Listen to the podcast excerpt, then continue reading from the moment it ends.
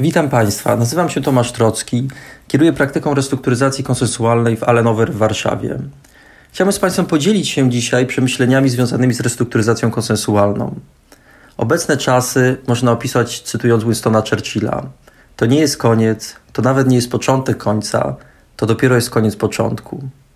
Teraz wymagane są szczególne działania, zarówno po stronie dłużników, jak i wierzycieli, oparte na wzajemnym dialogu i odwadze wyjścia ze strefy komfortu, aby wypracować stabilne rozwiązania, które zabezpieczą interesy każdej strony. Restrukturyzacja konsensualna jest instrumentem, który może pozwolić sprawnie wypracować takie rozwiązanie. Jej atrakcyjność wyraża się w jednym słowie, i tym słowem jest elastyczność. Restrukturyzacja pozasądowa polega na zawarciu umowy wielostronnej, czy to umowy restrukturyzacyjnej, czy umowy wspólnych warunków, pomiędzy spółką, która ma problemy finansowe, a tymi wierzycielami, których wierzytelności mają zostać zrestrukturyzowane. Strony mogą więc w dokumentacji tak ukształtować nie tylko ostateczne porozumienie restrukturyzacyjne, ale co jest bardzo ważne, sam proces dochodzenia do tego porozumienia, aby był on dostosowany do charakterystyki danej transakcji. Druga ogromna zaleta elastyczności to szybkość. Elastyczność sama w sobie oczywiście nie przesądza o szybkości procesu, ale jeżeli jest dobra wola stron, aby proces restrukturyzacji przeprowadzić sprawnie i proces ten będzie odpowiednio zarządzany, to są to wystarczające warunki do tego, aby restrukturyzacja konsensualna była procesem szybkim i skutecznym. Natomiast analizując restrukturyzację konsensualną, trzeba pamiętać o jednym ograniczeniu. Restrukturyzacja pozasądowa wymaga zgody wszystkich wierzycieli, których wierzytelności podlegają restrukturyzacji. I o ile uzgodnienie wielostronnego porozumienia z grupą 10-20 podmiotów jest jak najbardziej możliwe, to uzgodnienie takiego porozumienia z grupą 100 lub 200 podmiotów może być bardzo utrudnione. Z tego względu restrukturyzacje konsensualne znajdą głównie zastosowanie przy restrukturyzacji wierzytelności finansowych oraz restrukturyzacji wierzytelności głównych kontrahentów handlowych. Wreszcie restrukturyzacja konsensualna nie, nie zwalnia z obowiązku złożenia wniosku o ogłoszenie upadłości, jeżeli dłużnik jest niewypłacalny w rozumieniu prawa upadłościowego. Dlatego proces restrukturyzacji musi być tak prowadzony, a umowa stencil musi być tak skonstruowana, aby dłużnik nie utracił wypłacalności w trakcie trwania procesu. I teraz jedno z głównych pytań, czym będą różniły się restrukturyzacje konsensualne prowadzone w obecnych warunkach od restrukturyzacji konsensualnych prowadzonych wcześniej? Są dwie zasadnicze różnice. Pierwsza różnica to przyczyna problemów. Druga różnica to komunikacja. Zwykle zdarzenie, które powoduje problemy po stronie dłużnika, występuje przed rozpoczęciem procesu restrukturyzacji, a w ramach procesu ustala się, jak bardzo dłużnika dotknęło to zdarzenie i uzgadnia się długoterminowe rozwiązanie tej sytuacji. Koronawirus nie jest przyczyną, która ustała, ale trwa nadal. Co więcej, nie wiemy, kiedy ta przyczyna ustanie. Nie można więc dzisiaj oszacować wszystkich skutków, jakie wywoła względem dłużnika. Można więc zadać pytanie, czy nie należałoby poczekać na zakończenie pandemii i dopiero wtedy rozpocząć proces restrukturyzacji oraz analizę jej skutków? Odpowiedź na to pytanie jest krótka: nie należy czekać. Decyzję o wyborze momentu rozpoczęcia restrukturyzacji konsensualnej należy oprzeć na kryterium powstrzymania efektu domina. Natomiast nic nie stoi na przeszkodzie, aby dłużnicy już teraz przeprowadzili analizy dla kilku scenariuszy kwarantanny trwającej dwa tygodnie, miesiąc czy trzy miesiące. Takie analizy uwiarygodnią dłużnika w rozmowach z wierzycielami, a wierzycielom pozwolą chociaż wstępnie oszacować sytuację na potrzeby zawarcia umowy standstill.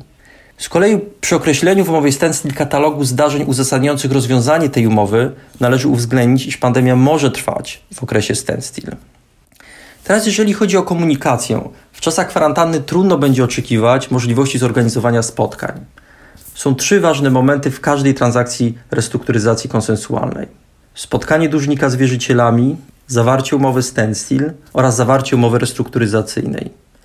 Pierwsze spotkanie odgrywa kluczową rolę. Jeżeli nie ma możliwości odbycia spotkania, istotne jest, aby telekonferencja albo najlepiej wideokonferencja została odpowiednio ustrukturyzowana, aby zbudować pomiędzy uczestnikami tej wideokonferencji relację, która pozwoli im wspólnie pracować nad dalszą restrukturyzacją. Wracając teraz do momentu rozpoczęcia procesu restrukturyzacji, analizie powinny zostać podane dokumenty, których stroną jest dłużnik, pod kątem ustalenia czy i kiedy wierzyciel będzie mógł podjąć bardziej zdecydowane działania względem dłużnika. Należy pamiętać, że nie chodzi tylko o czynności egzekucyjne, jak wypowiedzenie umowy czy rozpoczęcie egzekucji. Jest szereg czynności zabezpieczających, które mogą negatywnie wpłynąć na płynność dłużnika, jak na przykład blokada rachunków bankowych, blokada środków z tytułu praw przelanych na zabezpieczenie lub wstrzymanie wypłaty kredytu. Istotne jest ustalenie, kiedy występuje ryzyko, iż takie czynności zostaną podjęte. Jeżeli jeden z wierzycieli podejmie takie czynności, to nie tylko uderzą one w płynność dłużnika, ale mogą być pierwszym elementem uruchamiającym efekt domina. Ponieważ nawet jak inni wierzyciele będą gotowi powstrzymać się od takich działań, aby poczekać na uspokojenie sytuacji, żeby wspólnie wypracować długoterminowe rozwiązanie, to trudno im będzie bezczynnie przyglądać się, jak inny wierzyciel poprawia swoją pozycję. I to jest kryterium określenia momentu, kiedy należy rozpocząć rozmowy z wierzycielami w ramach restrukturyzacji konsensualnej.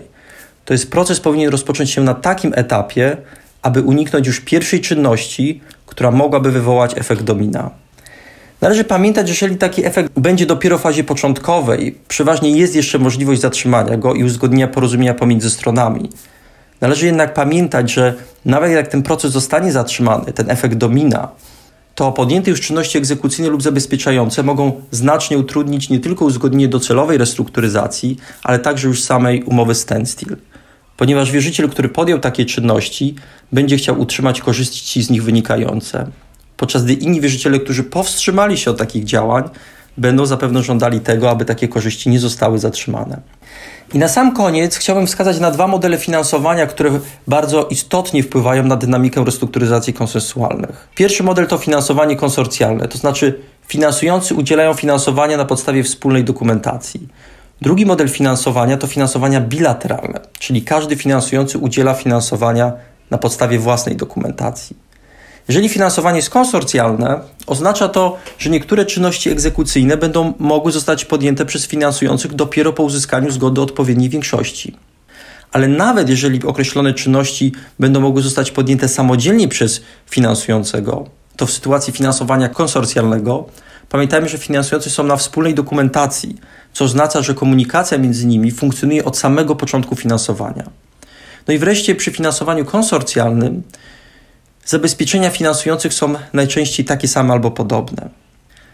Z kolei przy finansowaniach bilateralnych istnieje największe ryzyko, że jeden z finansujących podejmie czynności egzekucyjne, zanim rozpoczną się rozmowy w szerszym gronie finansujących, gdyż nie ma on kontaktu z pozostałymi finansującymi, a jego pozycja, w szczególności na zabezpieczeniach, może być i przeważnie będzie inna od sytuacji pozostałych finansujących.